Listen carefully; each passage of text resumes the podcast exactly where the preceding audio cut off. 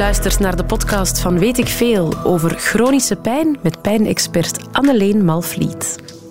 Een hele goede middag. Misschien voelt u zich vandaag lichamelijk helemaal tip-top en dan ben ik ongelooflijk blij voor u. Of misschien heeft u toch wel wat last aan uw nek, aan uw lage rug. Een pijn die u eigenlijk elke dag wel wat lastig valt en die misschien niet meteen te verklaren is. Maar dan heb ik nieuws voor u. U bent niet alleen. 25% van de bevolking lijdt aan chronische onverklaarbare pijn. En ik heb nog beter nieuws voor u. Vandaag zit hier een pijnexpert. Een expert die zo goed is dat ze zelfs een prijs won voor haar ideeën rond de behandeling van chronische pijn.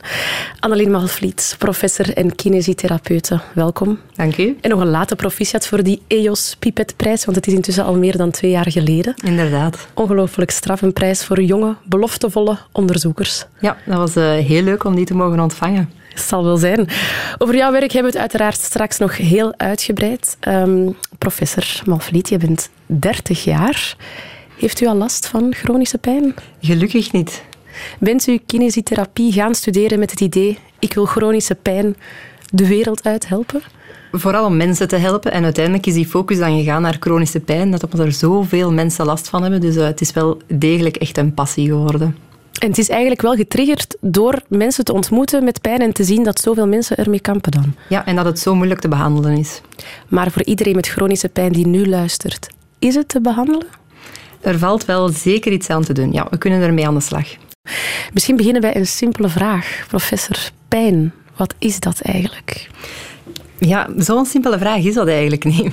Want we denken bijvoorbeeld, ik snij mijn vinger, het is mijn vinger die pijn doet. En dat het ook die, die vinger is die ons vertelt dat we pijn hebben. Maar eigenlijk is het veel complexer dan dat. Hè. Die, in onze vinger zijn er inderdaad dan prikkels die opgevangen worden. Maar het is pas wanneer die via ons zenuwstelsel naar onze hersenen gestuurd worden en onze hersenen beslissen dat er gevaar dreigt dat er een probleem is, dat we pijn gaan voelen. Het is dus pas als ons brein dat beslist dat we pijn hebben en niet eerder dan dat. Dus het, ja, het zijn echt onze hersenen die, die ons vertellen dat we pijn hebben. Om um, daar misschien een heel duidelijk voorbeeld van te geven. Stel, je bent aan het lopen, aan het joggen en je verzwikt je enkel. Ja, dan gaat je enkel pijn doen, misschien zelfs in die mate dat je niet meer verder kan lopen. Um, maar als we daar iets aan toevoegen aan dat verhaal, bijvoorbeeld, je bent, ja, het is misschien niet iets eh, dagdagelijks, maar aan het weglopen voor een wild dier of, of je zo. Weet maar nooit, je weet maar nooit, het kan gebeuren. Je verzwikt je enkel, wat dan gebeurt in je enkel op zich exact hetzelfde. Die prikkels die worden daar gevormd, die worden uh, ja, ook opgevangen in onze enkel, doorgestuurd naar ons brein. Maar ons brein zegt op dat moment, oh, er is wel echt iets belangrijker nu. Ik moet weglopen van dat gevaar. Ik moet mezelf eerst in bescherming brengen en pas dan heb ik tijd om die pijn te voelen. Dus ons brein kan op dat moment die pijn die, of die, die, die schade die er wel degelijk is, in die mate blokkeren, omdat er iets belangrijker is dan die pijn op dat, uh, op dat moment. Dat is ongelooflijk. Dus onze hersenen zijn daar eigenlijk echt een, een enorm belangrijk element in. En we zien dan bijvoorbeeld ook bij mensen met chronische pijn dat het ook vaak die hersenen zijn die ja, een beetje fout ingesteld zijn, als ik het zo kan, uh, kan zeggen. Dat ze uh, overactief zijn, overprikkelbaar zijn en dat ze met pijn gaan reageren op prikkels die eigenlijk niet pijnlijk hoeven te zijn. Een beweging, een aanraking, lang zitten. Dat zijn zaken die geen schade berokkenen. Dat zijn zaken die eigenlijk niet erg zijn, niet gevaarlijk zijn. Maar ons brein is zo ingesteld op het ontwikkelen op pijn, daar zo sterk op gefocust, dat pijn geproduceerd wordt, terwijl het eigenlijk niet nodig is. Zelfs in die mate dat we bij mensen echt vergevorderde chronische pijn gaan zien, dat die hersenen niet eens meer input nodig hebben uit het lichaam. Er zijn geen prikkels nodig en die gaan spontaan pijn gaan ontwikkelen. Ja, dus eigenlijk als ik het goed begrijp, normaal het pijn, het proces van pijn in je lichaam is, ik snij mijn vinger, mijn zenuwbanen vertellen aan mijn hersenen, er is daar gesneden, dus ze moet pijn voelen. Maar bij chronische pijn is er geen directe snijden in vinger of stoten tegen. Daar is die pijn gewoon vanzelf zonder trigger. Voilà, inderdaad. Ja. Dus dat is uiteraard niet bij alle chronische pijnpatiënten zo, hè, maar zelfs bij mensen waar er in het lichaam nog iets van schade terug te vinden is, als die langer dan drie maanden aanwezig is, dan worden de hersenen overgevoelig en gaat de pijn die geproduceerd wordt eigenlijk een uitvergroting zijn van wat er in het lichaam aan de hand is. Oké, okay. maar Dus eigenlijk zeg je, als pijn langer dan drie maanden aansleept, dan is het iets om je misschien zorgen over te beginnen maken. Dan is het vooral iets waar je op een andere manier mee moet omgaan. We kunnen acute pijn, dat is inderdaad, ik snijd in mijn vinger en dan is het heel logisch, ik moet die vinger gaan verzorgen. Maar als het langer dan drie maanden aansleept, dan komen we in de chronische fase terecht. En we hebben vaak de neiging om dat ook op een acute manier te gaan aanpakken. Maar dat klopt niet, want we moeten niet alleen lokaal gaan kijken, we moeten ook echt die hersenen gaan aanpakken. En dat is een heel andere manier van ermee omgaan. Zowel voor de patiënt als voor ja, de hulpverlener, de, de, de arts, de kinesitherapeut, moet daar op een andere manier naar kijken of moet toch heel wat andere zaken mee in, uh, in rekening gaan nemen. Ik vind het toch wel moeilijk te bevatten hoor, dat, dat je pijn kan voelen zonder dat er een trigger is, gewoon omdat je hersenen je dat eigenlijk laten denken. Ja, inderdaad. Ja, denk maar aan, uh, aan fantoompijn bijvoorbeeld. Hè. Mensen die een, een ledemaat kwijt zijn, uh, die, die hun been bijvoorbeeld geamputeerd is en die toch nog pijn voelen in die voet. Ja, die voet is er niet meer, maar toch is er nog pijn. En die pijn is zeker niet, niet ingebeeld. Hè. Het is niet zo dat er geen enkele basis is voor die pijn, maar we moeten die niet meer gaan zoeken in dat lichaam, we moeten die niet meer gaan zoeken in die voet, we moeten die gaan zoeken in het zenuwstelsel, in de hersenen. Je hoort toch wel vaak, pijn is eigenlijk iets goed, want dat is teken dat er iets aan de hand is. En je wordt verwittigd van iets dat moet aangepakt worden. Ja, inderdaad. Maar dan gaat het dus in, over die acute pijnsituaties. Ja. Dan is er effectief ergens een gevaar waar we moeten op reageren. We moeten ervoor zorgen dat we bijvoorbeeld die verzwikte enkel, dat we die even niet te veel gaan gebruiken, dat zich dat kan gaan herstellen. Dus dat is eigenlijk heel nuttig, heel nodig. Maar dus opnieuw, gaat het over chronische pijn, dan is het een ander verhaal. Dan zijn die herstelprocessen eigenlijk afgerond of in, in die mate dat het mogelijk is afgerond. En dan moeten we het dus echt wel op een andere manier gaan bekijken. Mhm. we, gaan, we gaan straks echt dieper in op die chronische pijn. Hè? Want eigenlijk, als je het zo vertelt, is, zijn er verschillende soorten pijn. En is niet elke pijn dezelfde en moet je er ook anders naar kijken. Nu nog even over pijn aan zich. Kan je, want je zegt het zijn de hersenen die ons zeggen dat we pijn voelen. Kan je dan ook psychologisch pijn gaan verzachten door bijvoorbeeld jezelf te vertellen: nee, nee, dat doet geen pijn. Ik heb geen pijn. Ik voel het niet. Wel, het is wel zo, als je je aandacht kan verleggen, als je um, ja, je aandacht op iets anders kan focussen, dan ga je je pijn minder voelen. Um, nu, natuurlijk is dat niet zo eenvoudig en, en ook niet in elke situatie heel gemakkelijk, maar als je met iets bezig bent dat leuk is, waar je energie van krijgt, dat je heel aangenaam voelt, vindt, dan ga je je pijn inderdaad minder gaan voelen. Dat is wel effectief zo. Of zoals we soms tegen kleine kindjes zeggen als ze ergens tegenbotsen, oh kom hier mama, ga een zoentje geven en dan voel je de pijn niet meer. Mama, kus de pijn weg. Inderdaad, niet te veel aandacht aan geven en dan wordt het inderdaad minder gevoeld. Um, nu, dat is natuurlijk heel kort door de bocht, hè, maar dat, dat, dat, klopt zeker wel. Um, en bijvoorbeeld ook zien we dat fysieke activiteit, beweging, dat dat ook heel sterk een, een positieve invloed gaat hebben op, uh, op chronische pijn of op pijn in het algemeen. Dus er zijn zeker wel een aantal zaken waarmee dat je uh, die pijn kan gaan aanpakken. Professor, er is dus, als ik het goed begrepen heb, niet altijd een aanwijsbaar letsel dat die chronische pijn veroorzaakt. Maar hoe, hoe ontstaat die pijn dan toch plots? Dat, dat blijf ik toch een beetje vreemd vinden. Ja. Meestal ligt er wel ergens iets aan de, aan de oorsprong. Dat is niet altijd even gemakkelijk om dat te identificeren. Bij veel patiënten is er ergens ooit iets gebeurd. Een, toch een, een letsel, toch schade dat men heeft opgelopen. Um, denk maar aan een whiplash-ongeval. De persoon heeft een ongeval, heeft een whiplash-trauma. En op dat moment ja, is er natuurlijk heel, zijn er heel veel prikkels die binnenkomen in het lichaam. Um, op dat moment gaat het lichaam daar ook op reageren, gaat pijn ontwikkeld worden. Dat is eigenlijk die heel normale acute pijnsituatie. Maar um, we zien dat dan op dat moment het zenuwstelsel eigenlijk gedurende een lange tijd heel sterk ja, onder stress staat, heel sterk wordt aangesproken. Um, en dat ja, bepaalde systemen die nuttig zijn, dus die pijn um, ontwikkelen, een soort van overgevoeligheid in het begin, die moet er zijn om ervoor te zorgen dat er geen verdere schade wordt opgelopen. Wel, die gevoeligheid die moet normaal gezien, wanneer het lichaam zich herstelt, ook weer gaan verdwijnen. En bij chronische pijn zien we dus dat die overgevoeligheid aangehouden blijft. Dat dat zenuwstelsel um, ja, hyper, hyperactief blijft, overreactief blijft. Um, dus het is een soort van proces dat in het begin heel normaal is, dat dan langdurig aanhoudt. Welke reden dat daar exact achter zitten, dat is heel afhankelijk van persoon tot persoon. Ehm, we weten bijvoorbeeld dat hoe ernstiger het letsel in het begin, hoe uitgebreider het letsel in het begin, hoe groter de kans is dat je uiteindelijk chronische pijn gaat ontwikkelen. En dat een uh, gebroken been of een whiplash-ongeval meer kans geeft op chronische pijn dan bijvoorbeeld een ingescheurde teennagel. Dat is de uitgebreidheid van het letsel. Nu, ehm, daarnaast spelen er ook wel een paar uh, genetische factoren een rol. We zien dat ja, bepaalde familiale voorgeschiktheid ook een, een, een rol gaat spelen. Dat je weet, je weet dat waarschijnlijk niet, maar dat er dus wel ergens in je familie een, een grotere kans bestaat dat je chronische pijn ontwikkelt. En als laatste, een heel belangrijke, is ook de manier waarop je omgaat met de pijnklachten. Hè. In principe moet je op termijn, na die, ja, na, na, als het de, de grootste pijn eigenlijk verdwenen is, zou je zo snel mogelijk opnieuw moeten gaan bewegen. Zou je het aangedane lidmaat, het aangedane locatie in, eh, in het lichaam, zou je die opnieuw moeten gaan gebruiken, zodanig dat je lichaam terug gewoon wordt aan beweging, zodanig dat je hersenen ook weten dat beweging opnieuw kan um, en dat eigenlijk de belastbaarheid opgedreven wordt terug. Um, Daarnaast heb je ook een heel emotionele kant. Als je uh, heel sterk ook weer aandacht geeft aan pijn, als, je, uh, ja, als, het, als het een uh, heel traumatisch ongeval is geweest, dus als er heel wat emoties rondhangt, dan weten we ook dat er meer kans is op uh, chronische pijn. Maar je zei daarnet, um, het kan ook een beetje genetisch bepaald zijn. Dus het kan zijn dat ik zonder aanwijsbare letsel, zonder ooit een whiplash of een gebroken been of zo te hebben gehad, of een gebroken rug, plots pijn krijg aan mijn rug, gewoon omdat het in de familie zit?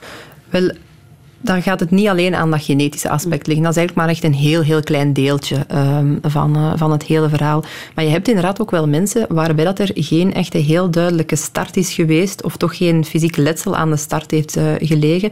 En dan is het inderdaad heel moeilijk om te, op zoek te gaan naar wat de uiteindelijke oorzaak was. Is dat dan misschien een intense stressperiode geweest of uh, ja, bijvoorbeeld het een, een, een, verlies van een geliefde of zo zou, zou bijvoorbeeld ook ervoor kunnen zorgen dat je uiteindelijk pijnklachten ontwikkelt. Um, maar nu eigenlijk is dat, dat die initiële start, heel veel patiënten willen daar naar op zoek gaan. En dat is logisch, want dat is een soort van verklaring natuurlijk. Maar voor de behandeling op zich of voor het verdere verloop is dat eigenlijk niet heel nuttig. Want daar kunnen we niks meer aan veranderen. Het is beter om te kijken naar hoe uh, zit het vandaag in elkaar? Uh, welke zaken kunnen we nu aangrijpen in de behandeling om ons daarop te focussen, dan te blijven op zoek gaan naar die oorsprong. Je ziet ook vaak mensen die blijven um, voor een scan gaan of blijven nog bloedonderzoek laten gaan, uh, gaan doen. Omdat ze al heel vaak ook gehoord hebben, we vinden niets terug, we vinden geen oorzaak voor je klachten en ze blijven maar zoeken naar die oorsprong.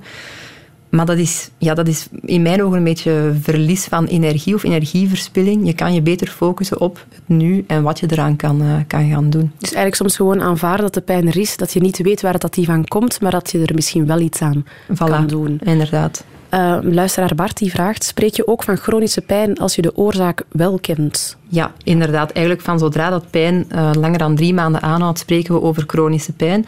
En we weten dat ook bij mensen waar er nog zeer duidelijk een bepaald letsel aanwezig is, ook na die drie maanden, dat toch het zenuwstelsel die aanpassingen gaat vertonen. Dus dan heb je eigenlijk een probleem dat tweeledig is. Er is nog een probleem in het lichaam, maar ook wel degelijk in de hersenen. In verband met die pijn die niet altijd eh, verklaarbaar is, die ook niet altijd zichtbaar is, het zorgt ook wel voor extra kopzorgen voor veel mensen.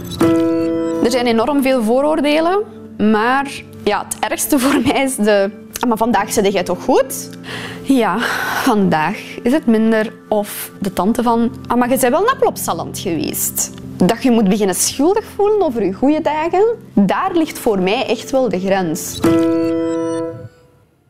Ja, professor, is dat iets uh, herkenbaar voor u? De, de, verantwoording die mensen continu moeten afleggen? Ja, inderdaad. Het niet altijd zichtbaar is. En het, dat, is, dat is vaak het moeilijke. Hè? Als iemand inderdaad zijn been gebroken heeft, ligt in de plaaster, dat is heel duidelijk dat er iets aan de hand is. Maar dus bij chronische pijn, ja, vaak zelfs um, in dus die medische beeldvormen, in, in, bloedonderzoek, vinden we niks terug. En dan is het heel moeilijk om te gaan uitleggen dat er wel degelijk iets aan de hand is, dat, uh, ja, dat de pijn niet ingebeeld is. Want dat is vaak dan ook de sticker die die persoon uh, op zich krijgt. Gezegd. Nu, het zit tussen ehm, de oren, Het zit tussen de oren, ja, En eigenlijk, ja, letterlijk gezien zit het ook tussen de oren. Maar niet dat het ingebeeld is, maar het zit inderdaad in uw brein. Het probleem is dat we in onderzoek kunnen we dat wel gaan visualiseren, kunnen we dat, kunnen we dat gaan blootleggen. Maar ehm, ja, puur in de klinische praktijk, in, de, in, het, in het ziekenhuis, kunnen we dat niet zomaar bij elke patiënt gaan aantonen natuurlijk. En dat maakt het heel moeilijk om dat te, voor de patiënt zelf om dat te verklaren. Um, nu, wat wij wel doen als kinesietherapeut is eigenlijk een hele uitleg geven aan onze patiënt, dus van waar dat die pijn komt. Dus al die aanpassingen die gebeuren in het zenuwstelsel. En met die uitleg kunnen ze dan wel naar hun omgeving om ja, die verklaring toch deels te gaan bieden voor waarom ze de ene dag minder of geen pijn zelfs hebben en de andere dag het echt heel lastig hebben. Want dat heel fluctuerende van die symptomen, um, dat is heel typisch voor, uh, voor chronische pijn. Ik vind het wel interessant dat je zegt, het, is, het zit tussen de oren omdat het zich in de hersenen bevindt, maar het is niet ingebeeld. Je moet die mensen wel serieus nemen. Ja, ja, absoluut, inderdaad. En vaak um, is ook puur al dat, die erkenning en het, het, feit dat je wel degelijk een biologische verklaring kan geven voor de pijnklachten, is dat al een hele geruststelling voor de mensen en voelen ze zich vaak al uh, ja, deels ja, erkend ook. Het is, het is zoals ik het zeg.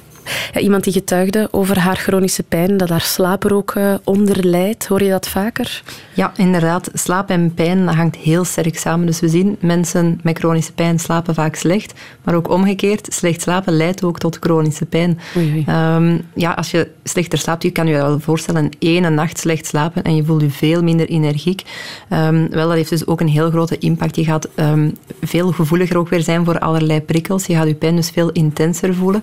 En Ehm, dus chronische slaapproblemen komen heel vaak voor bij mensen met chronische pijn ook. Dat gaat bijna hand in hand. Ja, en ik kan me ook voorstellen, als je dan weinig slaapt, moe, extra stress, verkramping, dat is allemaal niet goed dan weer voor het lichaam. Hè? Voilà, inderdaad. En het is ook heel belangrijk dat je die slaapproblemen ook laat aanpakken. Want als je enkel je gaat focussen weer op pijn dan en je blijft die slaapproblemen hebben, dan gaan die altijd een negatieve impact hebben op je pijnprobleem. Welke chronische pijn komt eigenlijk het vaakst voor? Zijn daar cijfers van? Daar zijn zeker cijfers van. Uh, bij ons in België is dat chronische lage rugpijn die het uh, vaakste voorkomt. En is daar een verklaring voor waarom dat die net het vaakst voorkomt? Of daar echt een verklaring voor is dat de, goh, een, een, een, echt heel duidelijke verklaring zal daar, zal daar niet voor zijn. Uh, nu, het is wel zo dat we natuurlijk, we zitten allemaal heel vaak neer. We, we gebruiken onze rug ook niet meer zoals dat hij, ja, waarvoor dat hij voorzien is. Dus we bewegen die ook minder. Vaak denken we van, we moeten oppassen, we moeten onze rug vermijden. Uh, maar onze rug is wel degelijk gemaakt om te bewegen, om te gebruiken. En het is vaak een soort van um, ja, disuse, het, het, het, ongebruik van de rug, dat leidt ook tot pijnklachten. En het, het acht uur per dag aan een bureau zitten in de houding van handen naar voren op het toetsenbord, dat is, dat is niet, zo, niet zo goed dan voor, eh, voor ons lichaam, voor onze rug. Ja, het, het gaat eigenlijk zelfs niet zozeer over welke houding je exact in zit, maar het gaat meer om het niet bewegen. Dus die, die rug zit inderdaad een hele lange tijd in dezelfde houding en je zou net heel vaak moeten gaan wisselen in houding. Dat die rug dus in beweging blijft. Niet alleen dat, maar ook regelmatig eens recht staan. Dat je ook eh, ja, dat, dat sedentaire gedrag en dat zitten, dat je dat ook gaat onderbreken. Dus eigenlijk is dat iets dat, we, iets dat we zelf een beetje in de hand hebben. Kunnen we perfect na een uurtje zitten, even recht staan, rondwandelen, stretchen. Dat zou wel kunnen helpen? Voilà, inderdaad. Ik zou zelfs zeggen, elk half uur, als het mogelijk is. Dat is natuurlijk niet zo evident. Maar um, ja, ik, als ik een, eh, een patiënt zie dan, uh, die, die, een, die een, uh, ja, een bureaujob heeft, dan is dat een van de eerste zaken die ik aangeef. Elk half uur moet je een korte beweging doen, moet je even recht staan. Niet alleen voor je rug, maar algemeen voor onze gezondheid is dat heel belangrijk. Doet u dat zelf ook? Nee. het is moeilijk. Het is heel moeilijk. Het is makkelijker gezegd dan gedaan. Ja, ja. Maar kijk, elke dag is er om, om bij te leren, hè, professor. Um, ik, ik, ik vroeg me ook af, is, het, is chronische pijn, is dat iets leeftijdsgebonden of, of komt dat ook bij, bij jongere mensen al regelmatig voor? Het komt zeker ook bij jongere mensen voor. Het komt zelfs voor bij kinderen. En we weten dat, uh, dat er ook kinderen zijn met chronische pijnklachten. Maar het is wel zo, hoe ouder men wordt, dus ja, in de oudere bevolking komen chronische pijnklachten wel meer voor. Hè. Maar het is wel iets van alle leeftijden. Ja, is dat dan gewoon omdat die al langer hun lichaam hebben kunnen belasten, zogezegd? Allee, is nu heel simplistisch gesteld. Maar dat maar... zal zeker één van de redenen zijn, ja. Is er ook een verschil tussen, tussen mannen en vrouwen? In chronische pijnbeleving? Wel, er is, um, chronische pijn komt meer voor bij vrouwen dan bij mannen. Um, dat is een beetje afhankelijk van de diagnose uh, die gesteld wordt. Hè. Dus uh, dat is zeker niet voor alle diagnoses zo. Um, er, dat is wel een, een, een topic dat mensen interessant vinden voor onderzoek, want er wordt heel veel onderzoek naar gedaan. En, maar het is niet zo duidelijk of dat er effectief in ja, de, de pijndrempels of zo echt een heel groot verschil is tussen mannen en vrouwen. Wat we wel weten is dat de perceptie van de andere tegenover de pijnklachten anders is of er een vrouw of een man uh, voor u zit. Dat uh, de pijn eigenlijk bij vrouwen vaak minder uh, ernstig wordt ingeschat, vaak meer naar de psychologische kant wordt gebracht en bij mannen dan meer ja, naar het medische wordt, wordt gebracht. Dus in dat opzicht is er zeker wel een, een verschil. Is dat zo? Dus vrouwen krijgen vaker te horen, het zit tussen uw oren. Ja, zelfs in die mate dat er, dat gaat over één ja, kleinschalig onderzoek, dus dat is zeker niet heel uitgebreid wat ik nu ga vertellen, maar een onderzoek waar men ging kijken uh, naar ja, vrouwen met hartklachten, eh, vrouwen met, en mannen met hartklachten, het verschil daartussen. En dan zagen ze dus dat mannen veel vaker worden doorgestuurd naar gespecialiseerde zorg met, uh, met hartklachten dan dat bij, bij vrouwen gebeurt. Dat was geen onderzoek in België, voor alle duidelijkheid. Ja, maar toch, ik vind, ben, ben lichtjes in shock van, van, van dit onderzoek. Maar er zijn wel degelijk verschillen, ja. ja. Oké. Okay. Um, ehm, er was daarnet iemand die vroeg, uh, een luisteraar, of, oei, maar ik ben de vraag verloren, maar het had te maken met of uh, chronische pijn, dat verlopen, wat te vergelijken is met hoe tinnitus ook wordt aangewakkerd.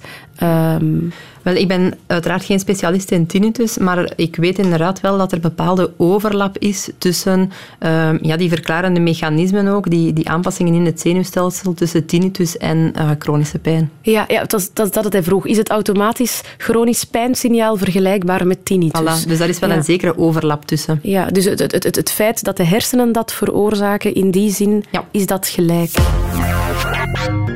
Weet ik veel? Ja, professor Malvliet, je won uh, twee jaar geleden, uh, ik zei het al aan het begin van het gesprek, de EOS Pipetprijs. Een wetenschapsprijs die wordt uh, uitgereikt aan onze jonge, beloftevolle onderzoekers. En een van jouw ontdekkingen waarvoor jij dus ehm, geloofd werd, was dat aangepaste bewegingsoefeningen bij chronische pijn veel meer effect hebben dan een klassieke behandeling bij de kinesist. Wat zijn aangepaste bewegingsoefeningen en hoezo zijn die dan beter dan een klassieke kinebehandeling? Ja, wel, ik zal misschien eerst starten met die klassieke kinebehandeling. Um, wel, uit ons onderzoek bleek ook dat dat op zich niet slecht was, maar dat de andere wel beter eruit kwam.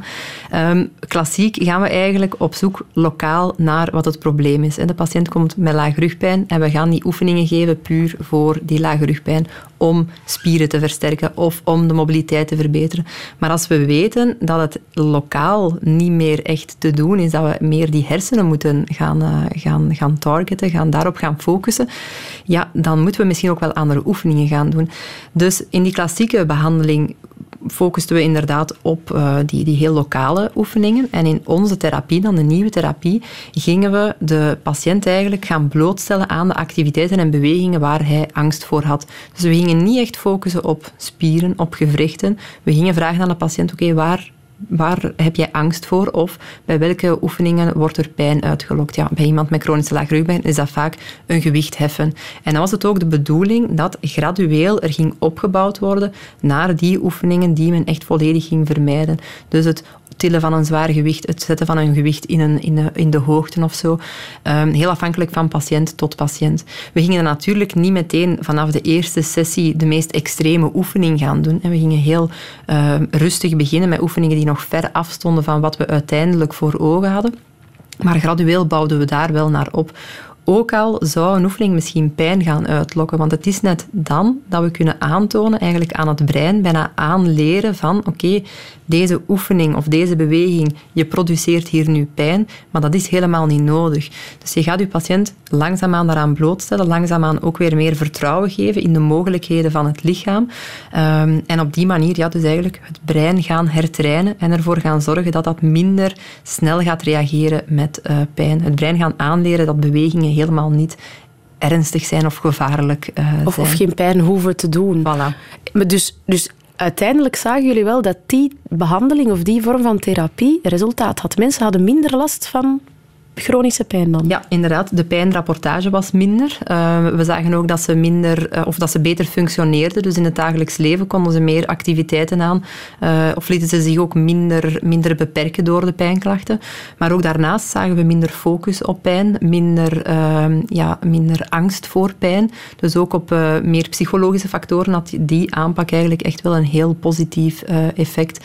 En het belangrijke is natuurlijk dat je start met eerst uitleg te geven over pijn, eerst uit te leggen dat er inderdaad lokaal niets aan de hand is, dat bijvoorbeeld die rug echt wel mag gebruikt worden, zodanig dat die barrière om te gaan bewegen, die angst om te gaan bewegen, al in een eerste fase meteen teniet wordt gedaan of, of de patiënt eigenlijk gerustgesteld wordt om effectief te gaan bewegen. Ja, want dat stond ook in de berichtgevingen rond, rond jouw, jouw, jouw prijs, dat, dat jij ook ontdekte wat het belang is van uitleg geven over pijn aan patiënten met chronische rug- of nekpijn. Maar ik denk dan, is dat niet logisch dat er uitleg wordt gegeven? Dat, wel, Ik denk dat er altijd wel uitleg zal gegeven worden. Dat lijkt mij inderdaad ook logisch. Maar opnieuw wordt er daar heel vaak gefocust op het lokale. De uitleg die wij geven gaat dus niet zeggen over spieren of over gewrichten, want daar focussen we niet op. Daar zit het probleem ook heel vaak niet meer. Die gaat echt focussen op, oké, wat gebeurt er nu in jouw brein? Hoe komt het dat jouw brein zo scherp afgesteld is en zo reactief is? En dat zorgt er dus voor dat mensen begrijpen dat we dat brein moeten gaan hertrainen en dat we dus wel degelijk die rug of eender welk uh, lichaamsdeel mogen gaan gebruiken. Dus het inzicht krijgen in het mechanisme van die pijn helpt ook al? Ja, voilà inderdaad. Want er is ook onderzoek dat enkel en alleen naar die educatie gaat kijken. En we zien dat dat ook wel zeker een effect heeft op pijn, op uh, de aandacht die we geven aan pijn. Maar dat er wel nog een vervolgbehandeling nodig is om die nieuwe inzichten effectief te kunnen toepassen in het dagelijks leven. Het is niet omdat je weet hoe dat het in elkaar zit, dat je ook voldoende vertrouwen hebt om het dan effectief te gaan doen. Ja. Is het, um, zijn er nog andere dingen die wij kunnen doen uh, die helpen om chronische pijn te verzachten? Ik denk maar, ik heb al heel veel experten hier gehad. Ik hoor altijd dezelfde dingen. Beweging, heb je al verteld. Gezonde voeding. Is dat ook zo bij chronische pijn? Heeft voeding invloed ja, op de zeker. pijn die we voelen? Eigenlijk is chronische pijn een, een levensstijlprobleem. Dus het gaat inderdaad veel verder dan weten van waar je pijn komt, bewegen. Je moet echt een aantal zaken gaan aanpakken. Slaap, waar we het daar net al over hadden, is natuurlijk ook belangrijk. En voeding ook. Dat is onderzoek dat nog eerder in zijn kinderschoenen staat. Maar we zien wel dat ons westerse dieet, dat vaak ehm, hoger is in suikers, hoger in vetten, waar ook heel wat vleesconsumptie is, ehm, waar ook heel veel fastfood uh, in, in gebruikt wordt, of kant-en-klare maaltijden, dat dat ervoor zorgt dat je een verhoging krijgt van de pijn. En daartegenover dat een meer plant-based, plantaardig dieet, waarbij veel fruit en groenten worden gebruikt, waarbij veel uh, vezelrijke producten worden gebruikt, dat dat net kan zorgen voor een vermindering van de pijn. Minder gebruik van suiker, minder gebruik van de slechte vetten dan, de um, olijfolies en zo, die mogen we uiteraard wel nog gaan gebruiken.